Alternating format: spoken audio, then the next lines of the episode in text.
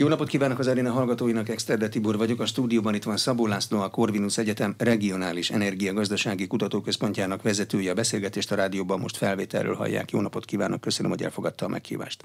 Egy elhúzódó úgynevezett energiaválságot nyögünk, de úgy látjuk, hogy nem mindenhol ugyanolyan mértékben nyögjük, vagy nyögik Európa országaiban. Mi ennek az energiaválságnak az oka, vagy az okrendszere? Először is köszönöm szépen a meghívást, és üdvözlöm a hallgatókat. Ugye erről nagyon-nagyon sok felé olvasunk mostanában. Én, ha nagyon koncentráltan meg akarnám mondani, hogy mi az a három tényező, ami miatt Európa nyögi ezt az energiaválságot. Az egyik, hogy volt egy nagyon erős kereslet visszarendeződés, tehát a Covid-válságos negyedéves visszazökkenés az nagyon gyorsan visszament. A 2021 végére már ott tartunk energiafogyasztásban, mint a válság előtti időpontban, tehát egy nagyon gyors visszarendeződés látunk, ez az egyik oka. A másik oka nyilván az orosz gázfüggős, és az orosz gázstratégia, tehát a gázpromárazás is nagyon erősen benne van, talán ez a leges legfontosabb tényező. És a harmadik tényező, hogy nyilván egy európai energiapolitika, aminek zászlós hajója a klímapolitika, az is benne van ebben az energiárnövekedésben. Néha arányokat is szoktam mondani, ha arányokat mondanék, azt mondanám, hogy 60% körül ez nyilván az orosz árstratégiának a függvénye, de a kereslet növekedés, illetve ez a klímapolitikai hatás is nagyon erőteljesen. Mi van. az orosz gázstratégia? Azt össze lehet-e foglalni valahogy? Hát ez egy jó kérdés, ez egy elég kiszámíthatatlan dolog. Tehát nyilván ezt nagyon kevesen mozgatják, és azt is lehet látni, hogy nagyon-nagyon jó közgazdászaik, illetve kutatóik vannak a Gazpromnál. És a stratégia szerintem nyilván az, hogy megmutassák azt, hogy ebben az állapotban mi egy hosszú folyamat végeredménye. Tehát igazából az történt, hogy Európának a Németországtól keletre lévő rész, a lengyeleket kivéve egy nagyon-nagyon erős függőséget épített ki az orosz gázzal, vezetékes gázzal kapcsolatban. Tehát ezek az országok jellemzően 75 vagy még 85-90 százalékban függenek az orosz gáztól, ez egy vezetékes gáz volt, és elvileg az volt a feltételezés, szerintem ez volt a német hipotézis, hogy kölcsönös függőség van. Mi függünk az egyik oldalon, mert az iparfejlesztés, fűtés az ettől függ, de nyilván Oroszország is függ ettől a gáztól. Ők azt gondolták, hogy még erősebben függenek tőlünk, hiszen nagyon jelentős bevételük van. Azt látszik, hogy ez a munkamegosztás az azt jelenti, hogy Oroszország olajat, gázt ad el a nagyon-nagyon magas arányba Európában, Európába a külgazdasági bevételek egy nagyon jelentős részét kapja ebből, és azt gondolták, hogy ez a kölcsönös függőség ez hosszú távon működik. Nem ez történt. Tehát a Oroszország stratégiája szerintem most az, hogy megmutassa azt, hogy nagyon erősen függ Európa ettől a gáztól, nagyon erősen függ tőle, és egy, egy, van egy másik stratégia, a bevétel maximalizálás. Tehát jóval kevesebb gázt ad el most például Oroszország Európába, bevételi mégis magasabbak, vagy meghaladják a korábbi bevételeit igazából. Tehát, hogy nyilván van egy ilyen finanszírozási dolog is benne, hogy azért fent akarja tartani ezt a finanszírozást Oroszország. Az orosz gázstratégia békeidőben is ez volt? Mert háborúban könnyebben érthető az, hogyha zárogatom a csapot, akkor uh-huh. bajt okozok annak, de ez úgy hangzik, mint hogyha békeidőben is ez lett volna. Ez egy jó kérdés, hogy békeidő, mert kicsit, hogyha visszamegyünk időben, hogy 2021-ben is már elkezdett ez a gázár növekedés. Tehát ugye 2022. februárjában indult el a háború, de ez egy nagyon érdekes kérdés, mert ha kicsit, ha én azt mondanám, hogy energiapolitikával vagy foglalkoznék, akkor 2014-ig mennék vissza igazából. Az a krím. Krími háború is volt, tehát hogy háború vagy nem háború, ez egy jó kérdés, de azt mondanám, hogy 21-es nem háborús évben is elkezdődött ez a folyamat. Mit látunk a 21-es folyamatokban? Azt látunk, hogy Oroszország kihasználta ezt a, ők úgy hívták, a, hogy ezt a tökéletes vihar szituációt, hogy keresletnövekedés megérkezik, mi elkezdjük csökkenteni az európai szállításokat. Érdekes fegyver az, hogy mondjuk egy gáztározót mennyire töltenek fel ezekben az időben, és akkor elkezdjük mutatni, hogy ennek a gáznak ára van.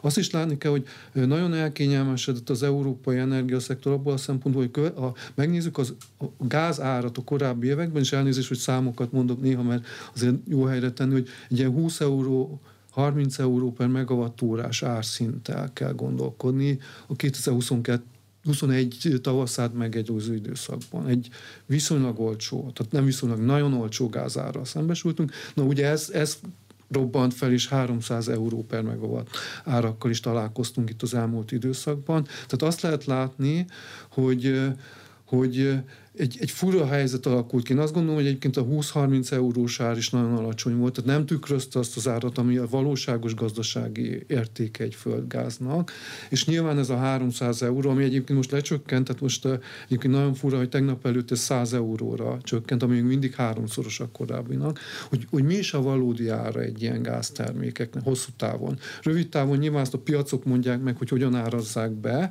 egy kereslet kínálatnak kellene meghatározni, azt látjuk, hogy ez, ez a közgazdaság gazdasági logika egy kicsit most döcög, nem is kicsit, hogy nem feltétlenül kereslet kínálati viszonyok, hanem egyrészt Gazprom döntés, meg politikai döntéshozók egyszemélyes kommunikációja rángatta ezt a, villam, ezt a gázárat igazából, és ezzel együtt a villamos energiára. Tehát azt látni, hogy, hogy egy kicsit kiszámít, nem kicsit, nagyon kiszámíthatatlanná vált ez a, ez, a, ez, a, ez a termék, és ez magával rántotta a villamos energiapiacot is egyébként, és amiatt látjuk ezt a nagyon-nagyon erős volatilitást mindkét piacon. Gáz fegyverről beszéltünk, de ha jól végighallgattam, akkor tulajdonképpen az oroszok részéről ez egy teljesen logikus magatartás. Ha azt látják, hogy nő a kereslet, akkor megemelik az árat. Igazából ez egy, ez egy szerintem egy nagyon kritikus kérdés. Itt is egy kicsit próbálok előre meg előre nézni, meg egy kicsit vissza is tekinteni, mert hogy, hogy teljesen logikus, hogy szerintem rövid távon ez egy akár jó stratégia is lehetne Oroszország részéről. Az a kérdés nekem is egy picit mi a regben igazából hosszú távra tekintünk előre. Az a kérdés, hogy hosszú távon jó stratégia ez Oroszország részéről. Mert hogy szerintem két kimenete vagy olvasata lehet ennek a dolognak. Az egyik, hogyha magasan tartjuk a, a gázárat, tehát hogy kicsit feljebb megy ez a szint, mint amit Európa, mondjuk az országok azt mondják, hogy ez az a szint, amit ők, ők még ki tudnak fizetni, akkor az egy nagyon erős löketet adhat annak az energy transitionnek, amit az Európai Unió hogy az elmúlt években az energiacsomagokkal, klímacsomagokkal igazából előrevetített, tehát nyilván ez azt jelenti, és akkor kicsit lefordítva erre, hogy egy hosszú távú 2050-es terv az az volt, hogy dekarbonizálunk, nulla emisszió hatása, kibocsátása legyen a, a, a európai energiaszektornak vagy gazdaságnak, ami azt jelenti, hogy nincs gáz vagy széna energiamixben. 2030-ra is nagyon erős, 55%-os csökkentést akart elérni, ami igazából egy nagyon-nagyon erős kihívás, és amiben azt kellett volna, vagy kellene látnunk, hogy 2020 után ez a foszilis energiafelhasználás, az el kell, hogy induljon lefelé. De csökkennie kell Európában, mert hogy egyébként ezt a célkitűzést, illetve a klímacélkitűzéseket nem tudjuk elérni mit láttunk, döcögő sem ment. Ez tehát elindult Európába az irányban, de nem volt tökéletes illeszkedés ebbe a lefelé irányban, és lehet, hogy azt kell látnunk, hogy ez, a, ez, a, ez, a, ez az árazási politika lesz az a lökés, ami ezt, ezt a hatást el fog érni. Tehát megcsinálja Európa azt, amit kell, amikor már nincs más lehetősége. Amikor már nincs más lehetősége. Tehát falhoz és gyorsan. és nagyon gyorsan kell ezt, és az a baj, hogy egy gyors megoldás az energiaszektorban az mindig egy drága megoldás. Tehát azt látnunk kell, hogy amire mondjuk lehet volna 10 évünk vagy 15 évünk, azt meg kell csinálni három vagy négy év alatt, az egy sokkal drágább megoldás, mint amit egy hosszú távú tervezett átmenettel meg lehetett volna csinálni. Másik oldalról az emberben ott van kis ördög, hogyha ez ilyen tervezett, meg hosszú távú, azt láttuk, hogy kicsit nehezebben indulnak el a dolgok. Most ez egy nagyon erőteljes löket volt ebbe az irányba. Hogyan függ össze az áram ára a gáz árával? Igen, ez a másik nagyon örökzöld téma most a sajtóban, mert hogy nehéz azt mondani, hogy, hogy muszáj, hogy a gázár határozza meg a gázárat. Az európai piacokon, mivel itt tényleg ilyen keresleti kínálati viszonyokról beszéltünk, és az európai piacot abszolút ezek a tőzsdei trendek mozgatták, ott azt lehet mondani, hogy igazából a, az ármeghatározó az európai villamosenergia piacon, az mindig a, az ármeghatározó erőmű volt. Tehát ez egy fura dolog, kicsit lehet, hogy ha van időnk, belemeltünk részleteibe, hogy a, a gázerőművek, amelyek a legutolsó még szükséges erőmű típus az európai országok nagy részébe. Tehát ahhoz, hogy azt a keresletet, amit ugye pillanatról pillanatra kell egyensúlyba hoznunk a villamos energiapiacon, azt nagyon gyakran egy gázos erőmű fogja kielégíteni, mint utolsó termelő. Mert ez Ott, gyors. Meglátja. Egyrészt ez a gyors, másrészt az a flexibilis. Azt látni kell, hogy ott van előtte a nukleáris erőművek termelés, ott van előtte a megújuló erőművek termelése, ott van még nagyon gyakran szenes termelés, bár itt azért nagy változások léphetnek be, és nagyon gyakran ez a gázerőmű portfólió az, ami meg fogja határozni az árat. Ez egyrészt mert rugalmas, másrészt nagyon nagy mennyiségben áll rendelkezésre nagyon sok országban. Harmadrészt meg ez a kényelmesség miatt ugye egy olcsó árnál ez egy, ez egy jó dolog volt. Tehát egy olcsó gázár mellett egy olcsó villamos energiárat is láthatunk a piacokon, csak egy nagyon egyszerű hüvelykúj szabály, ugye mondtam ezt a 20 euró per megawattórás gázárat, aki mindenki más unitban mér, ez szerintem az azért egy jó mérce, mert hogy egy jó gázerőmű az igazából egy jó hatékonysággal igazából csak megduplázza a nagy kereskedelmet. Tehát egy 20 eurós gázár, az 40 eurós villanyár lesz. És akkor így kerül be a, a, a gázára villamos energiapiacokba. Még egy szorzás, hogyha ez 200 euró per megawattúra, az 400 euró per megawattúrás villanyárat fog eredményezni. Tehát egy nagyon durva összekapcsolódás van a piacokon. Nem azonos mértékűnek látszik az energiaválság Európa különböző országaiban. Mi a különbség az egyes országok meg régiók energia előállítása, beszerzése, meg a felhasználás szempontjából? Hogy lehet ezt egyszerűen, amennyire lehet elmagyarázni? Ö, Igazából a, nagyon egyszerűsítik a, ezt a képletet, általában két régióra szokták Európát felosztani, lehet, hogy azért felosztanám három vagy négyre inkább. A, az egyszerű felosztás, ez egy tényleg nagyon egyszerű, Németország és keletre, meg Németország és nyugatra, és ebből a szempontból egyébként Németország ebbe a Közép-Európa régióba tartozik, tehát amiben mi is. Tehát hogy kicsit, hogyha el kell dönteni, hogy melyik, akkor Németország még ide tartozik, és Olaszország is egy jó kérdés, hogy hová kell tartozni. És a fő különbség, hogyha az energia mixet nézzük, és koncentrálunk egy kicsit a gázra, hogy ezek az országok azok, amelyek igazából csővezetékes szállítással kapják a gázt, és az olajat is egyébként részt. És ugye ez az a szállítási mód, hogyha ez nagy mennyiségben szállítódik, akkor ez olcsóbbá tudja tenni ezt a, ezt a dolgot. És ez is történt az elmúlt időszakban. Mind a két fél úgy gondolt, hogy ez egy hosszabb távon fenntartható üzlet, egy nagyon erős csővezetékes kapcsolat épült ki. Ugye ez azért mindig geopolitikailag átpolitizált volt, tehát hogy hol megy ez a vezeték, az egy nagyon fontos. Ukrajnán jött a fővezeték, aztán láttuk, hogy jött egy északi áramlat, tehát ész, a németek ezt már nagy részt északról kapták, meg tenger alatti vezetéken, és épült ugye déli részről is Törökországon keresztül egy ilyen összekapcsolódás, mert nyilván minden ország látta, hogy ennek azért vannak problémái, ilyen biztos, energiapolitikai problémái. Tehát ezek a, ez, a, ez a csoport az, aki ezt kihasznált, és egy nagyon erős függőséget épített fel. Tehát csak hogy mondjam a példákat, a balti országok nagy része, Lengyelország nem egyébként, de ö, szlovákok, magyarok, bolgárok, ö, nagyon-nagyon erősen, tehát 75% fölött, de leginkább 80% fölött ettől az energiahordozótól függtek. Németországban is 50% felett a csővezetékes szállítás. Európa másik fel ez nem függött ettől, ugye olaszokhoz is érkezik, meg érkezett meg a vezetékes összekapcsolódás miatt, de ők azért sokkal diversifikáltabb portfólióval rendelkeznek. Ugye Norvégia még egy nagy beszállító, tehát norvég gáz érkezik az északi részre is, Afrikából is jön, illetve jön egy nagyon nagy mennyiségben, most már egyre nagyon mennyiségben LNG és ez a cseppfolyósított gáz is. Itt tényleg van egy ilyen megosztottság, és nagyon-nagyon függ az, hogy milyen áron kapjuk ezt, az ára, ezt a gázt, attól, hogy a csőnek melyik szakaszán vagyunk. Minél végebb részén vagyunk, annál magasabb lesz ez az ár, hiszen annál nagyobb lesz ez a szállítási költség, amivel egyébként az országok játszanak, és tehát, hogy nyilván jól beárazzák ezt a szállítási költséget. Ez az egyik felosztás. Azért egy kicsit, hogyha finomítom a képet, azért én azt mondanám, hogy ugye van egy észak-európai energiablokk, ami sokkal kevésbé függött. Egyébként a finnek nem tartoznak ide, mert nagyon erős orosz függésbe, de svédek, norvégok, dánok, most már Angliáról kevésbé beszélünk, de hogy ott egy sokkal diversifikáltabb mixről beszélünk, és villamos energiában meg nagyon-nagyon magas arányú vízerőmű termeléssel.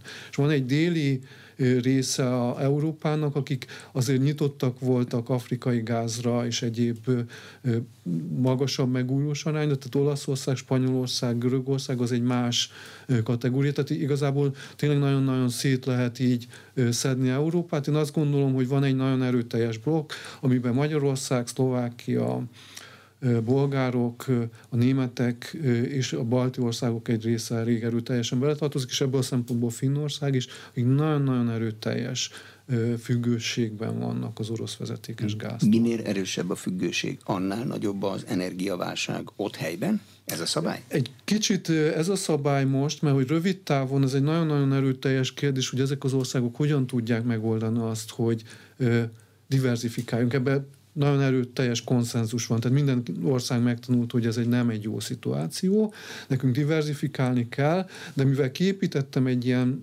vezetékes függőséget, egy nagyon erős kérdés merül fel, hogy jó, diversifikáljunk, de azt hogyan? A tengerpartiaknak egyszerűbb a helyzetük, úgy tűnik. Így, úgy tűnik, egyrészt azért, mert hogy ők már egy, egy korábbi státuszból úgy indultak, hogy nekik jelentős egyéb kapacitásaik voltak, cseppfolyósított gázaik, illetve Norvégiából vagy Afrikából kapták ezt a gázt. Egy ilyen szárazföldi ország, mint Magyarország vagy Ausztria nem tud ö, kikötőt építeni erre, nekünk meg kell egyezni más országokkal, hogy az LNG-hez hozzáférésünk legyen. Ugye van erre példa, Magyarország is ö, jó kapcsolatából a, a horvát LNG-vel, tehát elvileg valamennyit tudunk ott jönni. A horvát LNG állomás az nem a legnagyobb egyébként Európában, és viszonylag ö, kevés gáz tud ide szállítani ebből a szempontból. Ugye északról is érkezhet ez Lengyelországon keresztül, ott már megvan az első LNG, de az is viszonylag szűk kapacitással. Nyilván mindenki ezen a vezetéken először az elsők vannak jó helyzetben, nyilván egy lengyel LNG az Lengyelországnak fog segíteni. Mit látunk ebből a szempontból? Azt látjuk, hogy egy nagyon-nagyon erős törekvés van az Európai Országban, hogy ezt a kapacitást növeljék. Tehát a mostani, azt hiszem, 170 valahány milliárd köbméteres kapacitás is elég nagy. Ez olyan 40% ban le tudna az európai gázfogyasztást fedni, de azt kell látni, hogy a egyrészt az LNG piacot azt nem csak Európa mozgatja, bár mi vagyunk a legnagyobb vevők most. Ugye, ez Mert bajban azért, vagyunk. Igen, de ugye ázsiai és egyéb piacok is nagyon erőteljes kereslettel rendelkeznek itt, tehát nem annyira egyszerű egyik évről másikra ezt növelni, ezt a szállítást. Azt is látjuk, hogy a német, vegyük a német példát, ahol nem nagyon volt LNG kapacitás, ez a elmúlt években azt mondták, hogy persze sokkal olcsóbb vezetékes szállítással. Na most ugye négy terminálban gondolkoznak most már. És erre érvényes az a szabály, hogy minél gyorsabban kell megcsinálni, az annál drágább lesz. Erre is érvényes az a szabály, hogy minél gyorsabban kell megcsinálni, és nem csak ez a gond igazából, tehát hogyha valaki egy LNG terminált épít, ugye ebből is van egy olyan, hogy floating terminál, tehát hogy ez egy hajó, amit odébb lehet rakni és elküldeni, de hogyha én azt megcsinálom, azt a terminált, azt nem 5-10 évre építem általában. Tehát az a gond, hogy ennek a megtérülése, ez akkor igazán gazdaságos, hogyha ez nem 5-10 év, hanem 15-20-30 éves periódusban gondolkodunk, tehát ha megépítjük, és Németország is megépíti ezt, akkor az valószínűleg nem öt évig fogod dolgozni, mert akkor az egy nagyon-nagyon drága gázt fog tudni csak beszállítani, hanem valószínűleg hosszabb távon kell neki ezt üzemeltetni. De számítanak ezek a gazdasági megfontolások egy olyan időszakban, amikor nem tudjuk, hogy milyen lesz a következő tél, és az első feladat mégiscsak az, hogy kiszolgálni a fogyasztót, az ipart, meg a lakosságot. Nem lesz muszáj mindenképpen megcsinálni? Ö, igazából én, mint közgazdász azt gondolom, hogy itt a, a muszáj az egy nagyon nagy úr. Tehát, hogy van, amit muszáj megcsinálni. Tehát, hogyha abban gondolkodunk, hogy melyik a keresletnek melyik az a rész, amit muszáj kielégíteni, akkor azt ki kell elégíteni. Tehát egy fűtési igény, főleg az lakossági, azt lehet csökkenteni. Tehát ez egy nagyon fontos dolog, hogy mind a két oldalnak bele kell lépni ebbe a, a dologba. Tehát egyik oldalon én azt gondolom, hogy van olyan kereslet, amit egy-két éves távlatban nem lehet nem kielégíteni. Ez lakosság, de az iparban is van olyan felhasználás, amit nagyon-nagyon nehéz kiváltani. Tehát vannak olyan kémiai, vegyipari szektorok, ahol, ahol ezt rövid távon nem tudjuk megoldani. Vas és acéltermelésben is nagyon-nagyon nehéz foszilis energiahordozókból átállni mondjuk hidrogénre. Nem lehetetlen, de ez nem egy-két év, hanem hosszú. Másrészt ezek az energiahordozók is drágák, tehát hogy hosszú középtávon vannak megoldások, rövid távon ezek nagyon-nagyon-nagyon erős nyomást gyakorolnak. Amit én közgazdászként akarnék mondani, hogy egyrészt nyilván ezen az oldalon is lépni kell, tehát a kínálati oldalon meg kell építeni ezeket a terminálokat, vezeték be azokat a szűkületeket, ami megakadályozza azt, hogy Nyugat-Európából ez cseppfolyósított gáz megérkezzen, azokon is dolgozni kell. Másik oldalról nem véletlen nyilván az energia energiahatékonysági dolgokban is lépni kell. Tehát olyan energia megtakarításokat tudott Európa elérni rövid távon is, amin nagyon érdekes kérdés. Kollégáim nézték meg, hogy az elmúlt kilenc hónapban egyébként gázban 10% körüli megtakarítást tudott elérni Európa, villanyban pedig olyan 1 ot sőt néhány ország, köztük Magyarország is növekvő villamos energiafogyasztással szembesül. Nem tudtunk villanyban megtakarítani, gázban meg tudtuk ezt akarítani.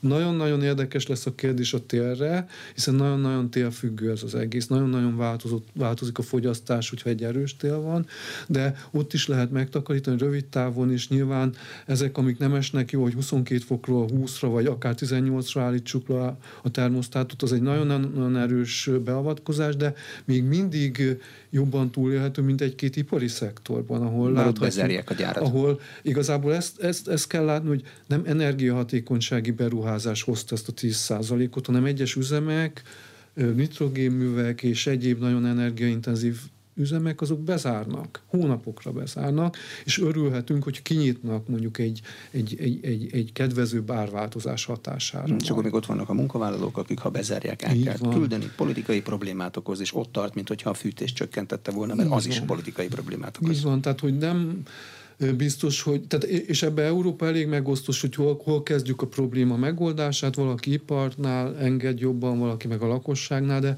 de látni kell, hogy mind a kettőnek a végén nagyon rosszul az a fogyasztó, beszélünk lakosságról, hogy a végén mind a kettő rajtunk fog csattanni, mert hogy vagy az áram villanyszámlába, vagy a munkahelyemen fogom ezt megérezni leginkább, illetve a harmadik, hogy a termékek árában is már jelentősen érezzük ezt a hatást. Ha most megtanultuk azt, hogy a vezetékes földgáz szállítás ellátás biztonsága az bizonytalan, mert elzárhatják. Milyen az LNG ellátás biztonsága?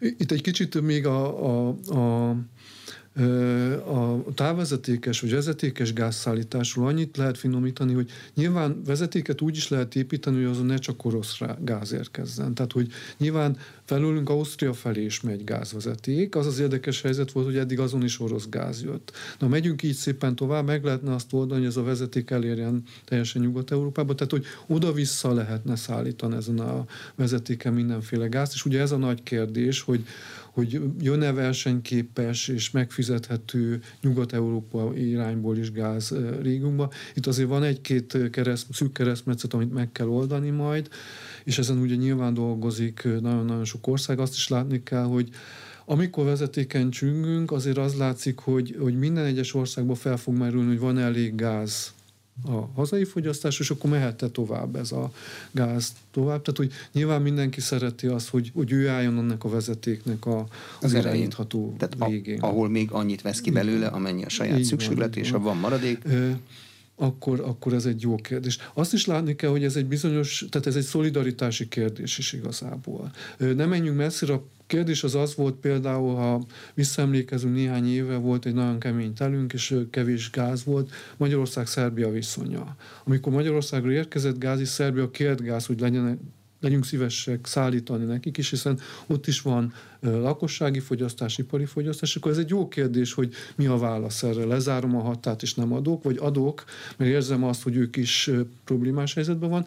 És érdekes a szituáció, hogy ugye ez egy kicsit megfordult most. A déli vezeték kell. Kicsit fordított a helyzet, tehát hogy az van, hogy Szerbián keresztül is fog érkezni ez a gáz, és akkor ez egy jó helyzet, hogy milyen választ adtam én korábban, és milyen választ várhatok most. És azért azt lehet látni, hogy Európa azért ezt meg tudta ezt a választ adni, tehát ez a szolidaritás, ez működött legtöbbször. De az nem egy nagyon másik helyzet, amikor békeidő van, meg amikor háború van, és a fő betáplálás az orosz irány az nem működik, akkor is fog működni ez a kölcsönös viszony? Ez egy nagyon-nagyon jó kérdés igazából, és erre erre nincs jó válasz igazából. Ez, ez egy, szerintem ez egy más kérdés ebből a szempontból. Szerintem egy nagyon jó válasz erre a kérdésre, és szerintem ezt szeretném hangsúlyozni, hogy a, a jó válasz az az, hogy a Európában, és megint csak egy számot mondok, hogy 57-8 százalék közötti erő, függőséggel állunk energia szempontból.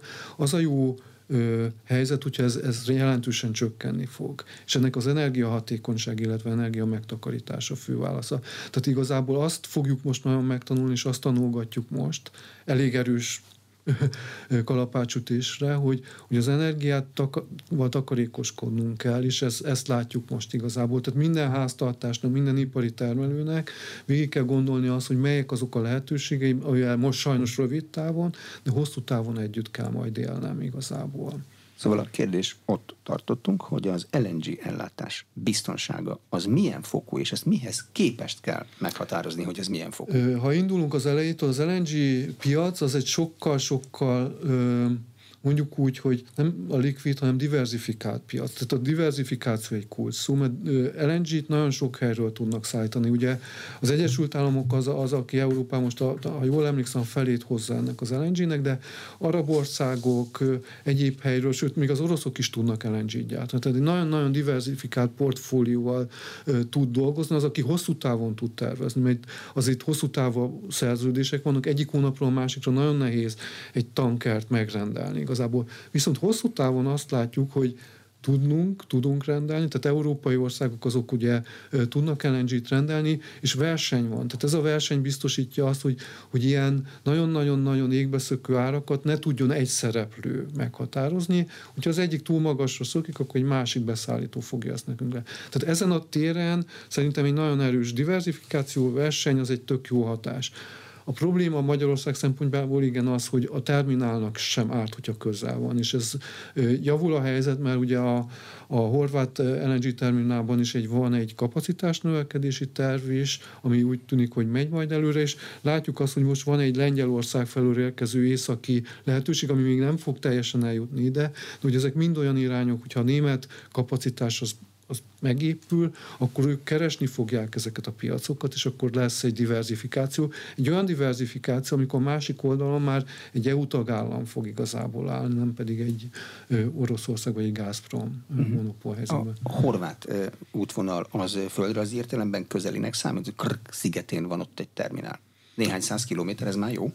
Ez, ez, ez a legközelebbi, tehát ilyen szempontból igen. Tehát sehova máshova nem lehet Hát az a vezeték, ami Oroszországból érkezik, az meg jóval hosszabb ennél hmm. igazából. Tehát azt lehet mondani, hogy máshonnan mi nem nagyon fogunk tudni. Az is egy érdekes történet, hogy az egész dolog az úgy indult, hogy Magyarországot vállalhatott volna viszonylag nagy tulajdoni részt igazából, ami akkor itt egy ilyen nagyon-nagyon nagy hezitálás indult el. Emiatt épült valószínűleg kisebb kapacitás, de nyilván most már örülnénk neki, hogyha akkor jobban beszálltunk volna ennek a fejlesztésnek a megvalósításába is. A török áramlat, e, az mekkora szerepet játszik Magyarország ellátásában? Hát ugye ez egy nagyon-nagyon jó kérdés, egyre erősebb a déli iránynak a, a szerepe. Ugye azt látjuk, hogy az északi áramlat az már lenullázódott, nem érkezik gáz, és ugye most már bejelentették, illetve nem érkezik az ukrán irányból sem, mert egyébként nagyon érdekes dolog volt, hogy háború ide vagy oda, érkezett gáz egyébként az ukrán szállítóvonalon keresztül, tehát két olyan fél, aki harcban állt egymással, az egy vezetékhez nem ért hozzá, mentek a szállításuk, és ezért még egyébként pénzügyi tranzakció is volt két harcban álló ország között. Ez egy nagyon felfoghatatlan szituáció. Nem egyszerű üzleti érdek, az ukránoknak van belőle tranzitbevételük, az oroszoknak van hát, belőle eladási bevételük, közös pedig érdek. Lövö, lövöldözünk egymást. Tehát, kivéve hogy, a vezetéket. Kivéve a vezetéket. Tehát, hogy ez egy, ha egyébként visszamegyünk történetileg is, ez egy nagyon fura dolog volt, például amikor a Balkánon dúlt a háború, a nagy feszültségű villanyvezetéket nem vágták szét. Az, az működött továbbra is. Egymással szemben álló országok lőtték egymást, vezeték nem lett leállítva. Ukrán szállítás meg volt eddig is. Ebben most lehet, hogy volt egy forduló pont ez a északi áramlatnak a felrobbantása. Tehát ami azt mutatja, hogy már az infrastruktúra sem annyira van biztonságban, mint korábban, és akkor marad ugye a déli áramlat, tehát hogy ebből a szempontból ez egy fontos vezeték lesz Magyarországon, hiszen nem fogunk tudni egy-két év alatt egy ilyen nagyon erős függőséget leépíteni. Nyilván nagyon fontos, hogy onnét is érkezzen gáz. Nyilván mindent, nagyon sokat meg lehet tenni annak az érdekében, hogy déli oldalról is meg lehet próbálni diversifikálni. Hosszú távon, hogy ne csak orosz gáz érdek érkezzen, de hanem a délebbi országokból is tudjanak rákapcsolni. Nyilván egy kicsit hosszabb távon tud jelentkezni. Meglátjuk, hogy mennyire sikeres ebben mind az európai, mind a magyar gazdaságpolitika. Az északi áramlat sérülése az kinek energiapiaci szempontból, kinek lehet az érdeke, és milyen következményekkel? Ugye ebben nem volt forgalmazás, csak a kiegyenlítő gáz volt benne. Én azt gondolom egyébként, hogyha hosszabb távon gondolkodunk, hosszabb távon az nem volt senkinek az érdeke egyébként. Senkinek? Nem. Hosszabb távon én még azt sem értem meg, hogy, mert ugye ez egy erős teljes jelzés, hogy azon a vezetéken nem fog soha gáz érkezni Európában. Tehát ez egy valószínűleg orosz jelzés, hogy azt felejtsük el. Tehát onnét biztos, hogy nem fog. Az, hogy ez ki tehát felépül egy olyan vezeték, ami, ami bekapnak, tehát egy ilyen tartaléknak, vagy biztonságnak egy normalizált helyzetben mindig jó lett volna van, ez, ez, ez nem fog használatba kerülni többet. Tehát én azt gondolom, hosszú távon nem. Rövid távon egyébként érdemes megnézni az árszignálokat, tehát hogy egy olyan gázvezetéken, ami már nem jött gáz, felrobbant, és mégis volt egy 20 euró per megawattos ár, árnövekedés. Tehát, hogy ez egy ilyen politikai csatározás, meg üzenetközlés igazából, hogy meddig vagyunk hajlandóak a különböző felek elmenni ebben a csatában, ebben a gázárháborúban. Németországról többször beszéltünk, ott az atomerőművek körül vita van, a fő döntés az az, hogy ki fogják vezetni.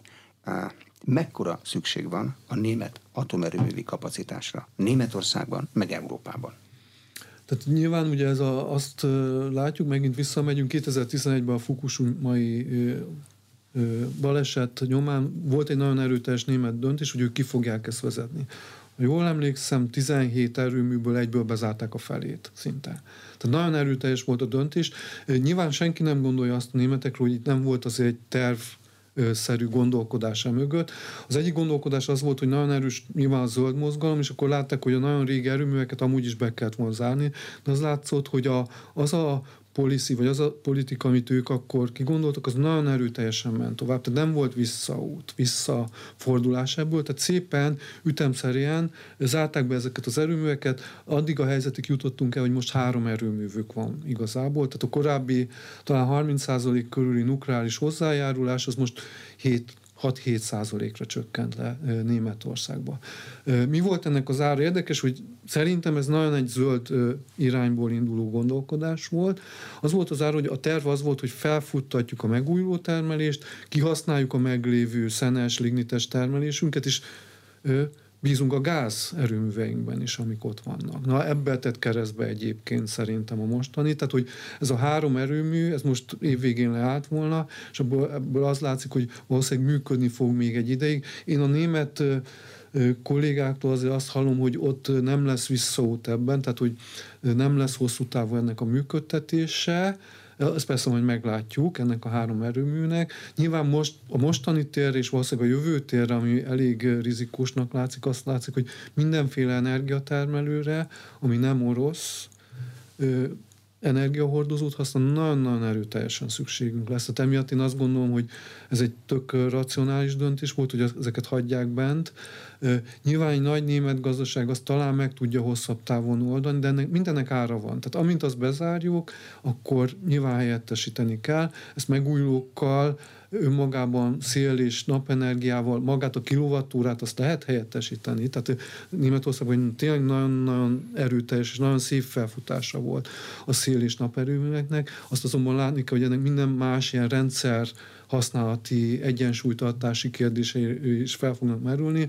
Meg fogja tudni termelni megújulóból a német gazdaság ezt, de annak lesz plusz költsége, mert hogy a kiegyenlítő energia az nyilván nagyon erőteljes költségnövekedés de fog ebben. Az az, az, amit gázmotorral csinálunk? A az az, amit Európában nagyon sokféle technológiával, régióban jellemzően gázmotor, és Magyarországon jellemzően gáz, gázerőművek látták el, hogy ez a legrugalmasabb termelés. Bekapcsolom, működik. Más országokban egyébként látni kell, hogy ahol sok vízerőmű van, és tározós vízerőmű, az a legjobb és legalkalmasabb technológiára, mert hogy nagyon-nagyon rugalmasan tudja követni ezt a... Van áram, fölviszik, amikor kell, akkor leengedik, meghagyja a turbinát, percről a másikra meg tudom ezt csinálni. Még egy gázerőmű is lassabb ebből a szempontból, de elég gyors ahhoz, hogy ezt meg tudja csinálni. Tehát, hogy ebből a szempontból szükség van rájuk, és még egy ideig szükség is lesz. Nyilván egy 2050-es szinten meg lehet azt csinálni, hogy más technológiák is belépjenek erre. Adottak a technológiák, de azt látni kell, hogy, hogy lépünk fel egy ilyen létrán megint, hogy egyre drágábbak ezek a megoldások. Nyilván ben vannak már a rendszerben ez az akkumulátoros tárolók, amik ugyanolyan gyorsak, sőt még gyorsabbak, nagyon precízen tudják tartani ezt, a, ezt az egyensúlyt a rendszerbe, csak egyelőre még elég drágák ezek a megoldások megoldások. Tehát, hogy... Lengyelországot és Németországot szokták úgy említeni, mint ahol a szén és a lignit egy tartalék energiaforrásként tud üzemelni. Valóban így van? Föld alatt van? Tározóban van már? Vagy még meg kell bányászni? A lengyeleknél ez nem tartalékelő forrás. Tehát azt látni kell, hogy a lengyeleknél a, a villamosenergia termelésnek a 80%-a az még mindig szenes termelés. Tehát ezek nem tartalékelő. Klímavédelem ide-oda? Klímavédelem ide-oda. Ők meg kell, hogy termeljék a 80%-át a lengyel energiának, ráadásul Magyarország egy nagyon furcsa szituációban van, hogy ő az egyik ország, ahol a legkisebb az a kapacitás, az összeköttetés a szomszédországokkal, tehát hogy ezt helyileg kell megtermelnie. Ugye ez egy békeidőkben azt mondjuk, hogy ez egy elég drága dolog volt, mert hogy elég erőteljes karbonározás jelent meg már Európában, tehát viszonylag drágán tudja ezt a termelését megoldani. Nyilván egy mostani helyzetben azt látni, hogy a lengyel árak is emelkedtek, de nem annyival, mint a többiek, mert hogy a villamos energia téren ők, ők saját termelésre oldják ezt meg, csak ezek régi, nem feltétlenül nagyon hatékony, tehát elég régi és nem a leghatékonyabb erőművekkel a szindioxid kibocsátásukkal együtt. Németországban ott sem tartalék?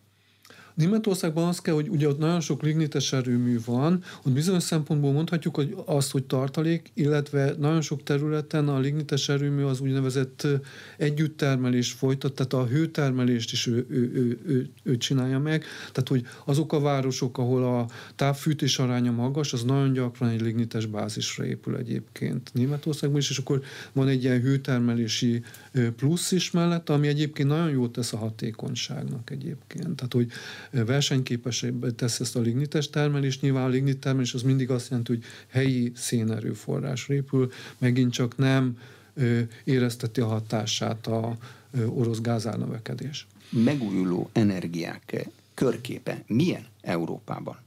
Egyáltalán hogy kell elkezdeni ennek a vizsgálatát?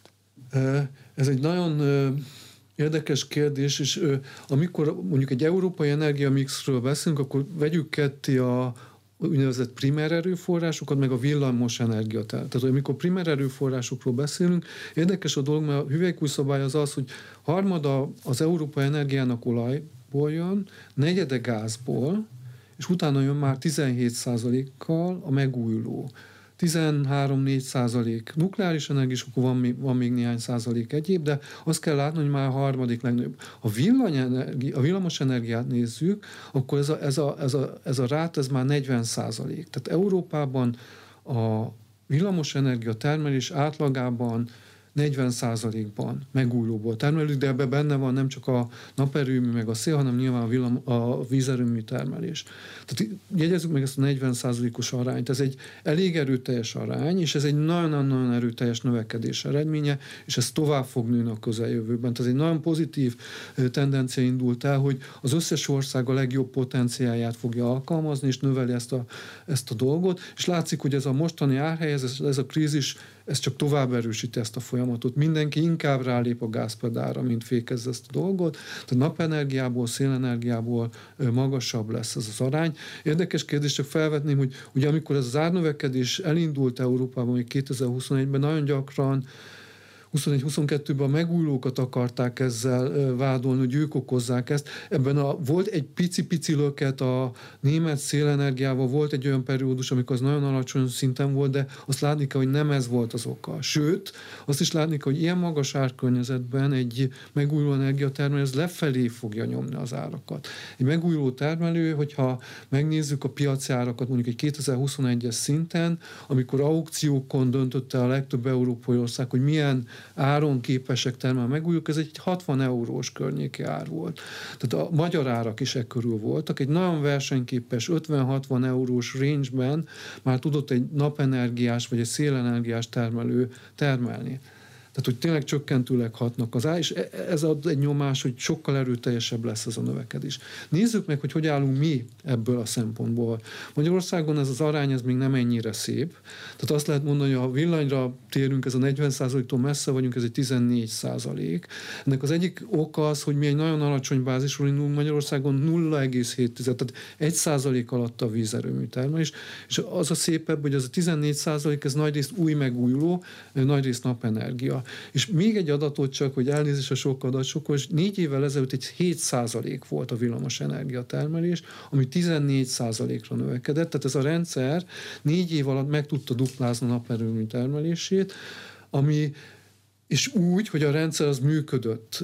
Tehát nem láttunk ö, olyan problémát, hogy kiesések lettek volna. Ami indikátort azt látunk, azt lehet látni, hogy nyilván ez a kiegyenlítő energia, Magyarországon gázos erőművek szolgáltatnak, azért ez tendenciaszerűen elkezdett növekedni Magyarországon. Tehát most már sok milliárd forintban nézzük azt, hogy ez a kiegyenlítő energia, ez, ez mibe kerül. Nagyon gyakran elhangzik, hogy ez mind a megújuló miatt van, ezt azért látni kell, hogy ennek egy jó része a megújulók miatt van, de azért nyilván az a gázárnövekedés, meg a maga az, hogy a megújuló részarány növekedik, ez, ez, ez, ez magával vonzó. Tehát egy olyan ö, feladat van, hogy a következő négy év hasonló növekedését valahogy úgy kell megoldanunk, hogy ne legyen hasonló növekedés ezen a kiegyenlítő energiapiacon, ami egy nagyon erőteljes kihívás. A számok azt mutatják, a rendszerirányító száma is, hogy az a terv, amit 2030-ra a kormány az energiastratégiába kitűzött, hogy 6-7 ezer megawattnyi megújulós napenergia kapacitás legyen bent a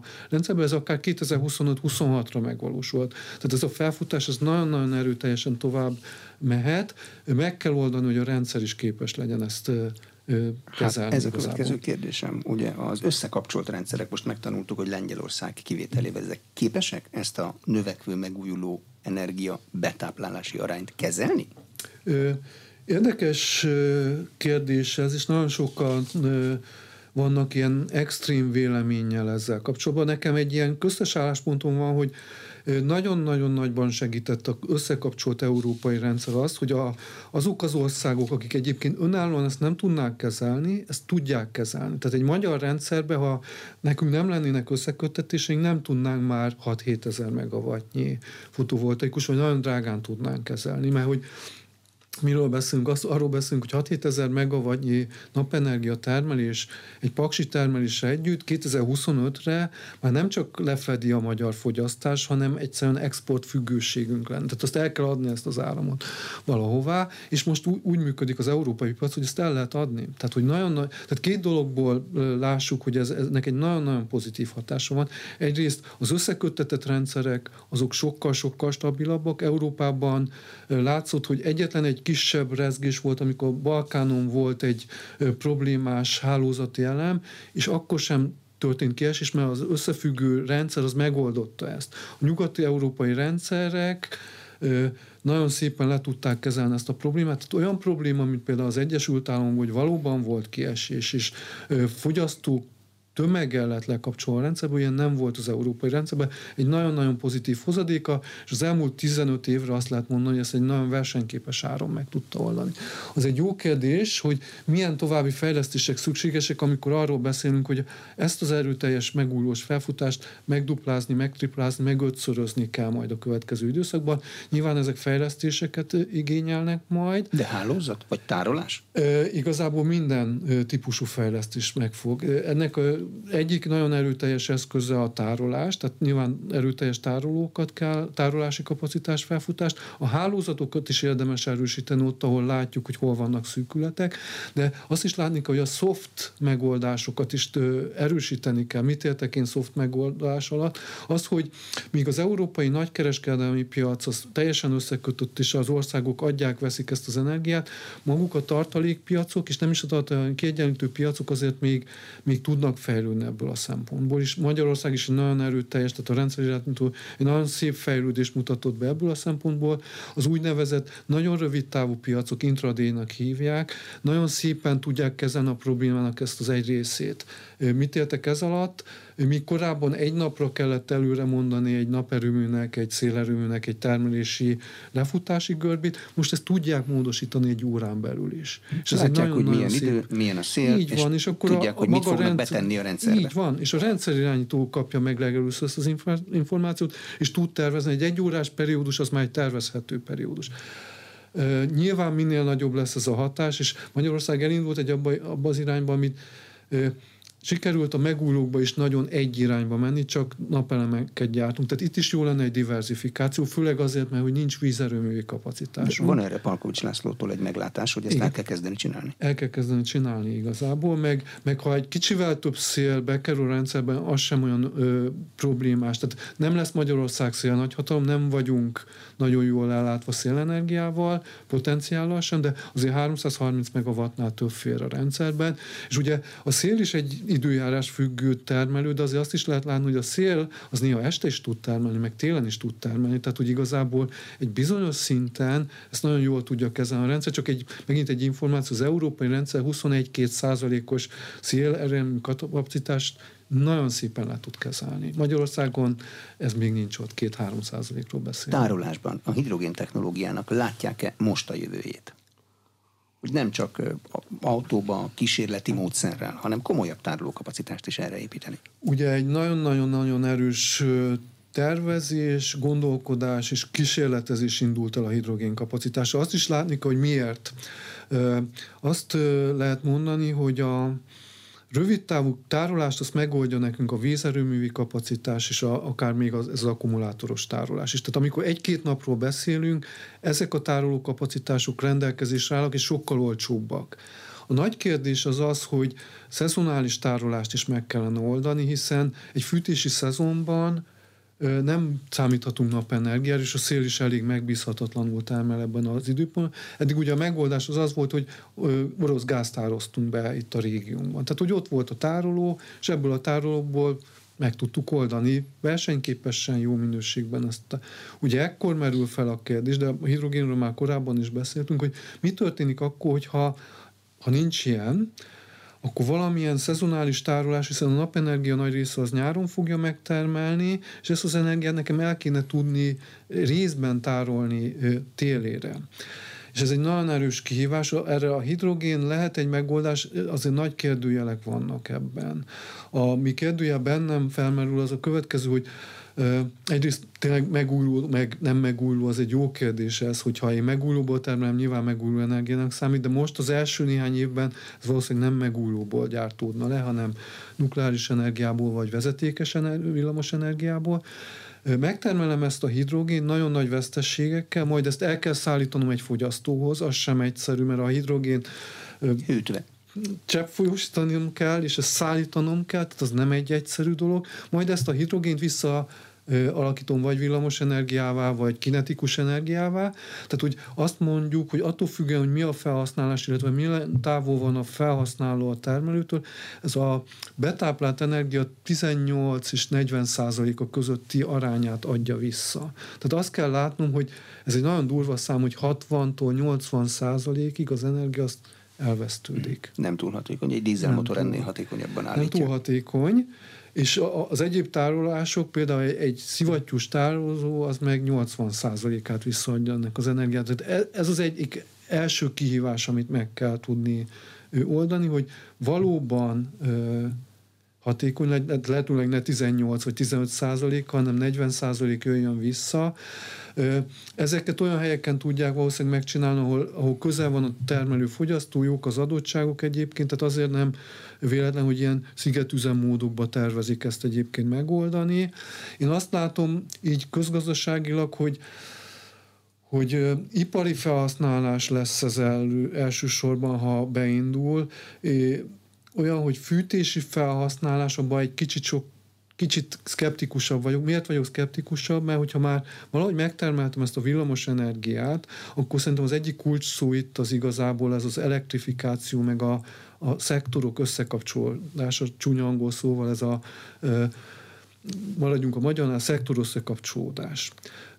Mit jelent ez? Ez azt jelenti, hogy ha megnézzük a, a fűtési módokat, ugye eddig ez elég erősen fosszilis energiahordozókon, gázon, szénen és biomasszán alapul, bár a biomassz az egy kicsit más tételét, és azt látjuk, hogy ez az elektrifikáció ez egy sokkal gyorsabb és erőteljesebb folyamat lesz, pont a fűtési energia miatt is, mert hogy villamos energiával is nagyon hatékonyan tudok fűteni. Mind lakossági, mind ipari méretekben, hiszen ezek a hőpumpák, ezek nagyon-nagyon hatékonyan tudják megoldani ezt a termelést.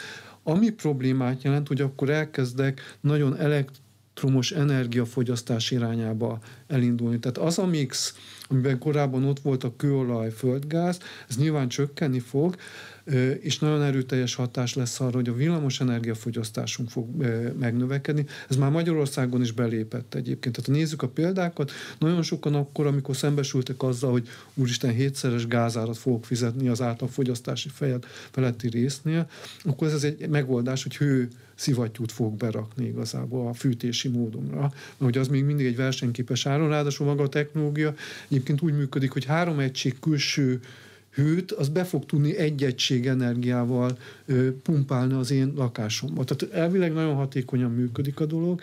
Kicsit későn indultunk, az látszik, hogy például a lengyelek vagy az angolok sokkal hamarabb, sokkal erőteljesebben indították meg ezt a, ezt a fejlesztést, de látszik, hogy ennek ára van, nyilván villamos energiafogyasztásunk ekkor nem csökken, hanem növekedni fog. Tehát elő kell tudnunk te állítani azt az energiát, amit ez a fogyasztás fog ö, megnövelni. Magyarországon ez talán egy kicsit meg fejlődik azzal a gazdaságfejlesztési iránya, hogy ugye nagyon erőteljes például ez az akkumulátorgyártási ö, irány.